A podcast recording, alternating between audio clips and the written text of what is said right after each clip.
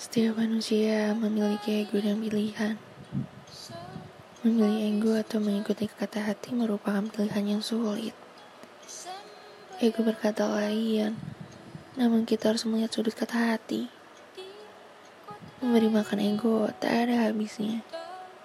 Mau sampai kapan? Terbelenggu dengan ego.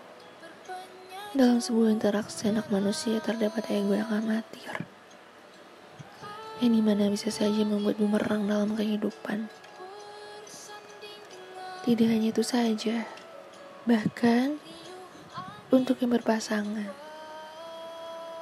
Ketika ego bertemu dengan ego menghasilkan sebuah perpisahan.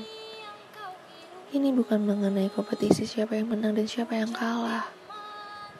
Bukan pula mengenai siapa yang benar dan siapa yang salah melainkan mengenai seberapa besar cinta dan kasih pada hati yang tulus. Seberapa kuat menahan dengan legowo. Ini mengenai kebesaran hati yang penuh dengan cinta, tanpa adanya sekat ego yang memisahkan. Ini berupa cinta yang amat mendalam. Meredam ego bukanlah hal yang paling menyakitkan melainkan jiwa yang kokoh dan tulus serta penuh cinta. Melihat orang sekitar bahagia merupakan menawar ego, serta yang tulus akan merasakan kedamaian abadi.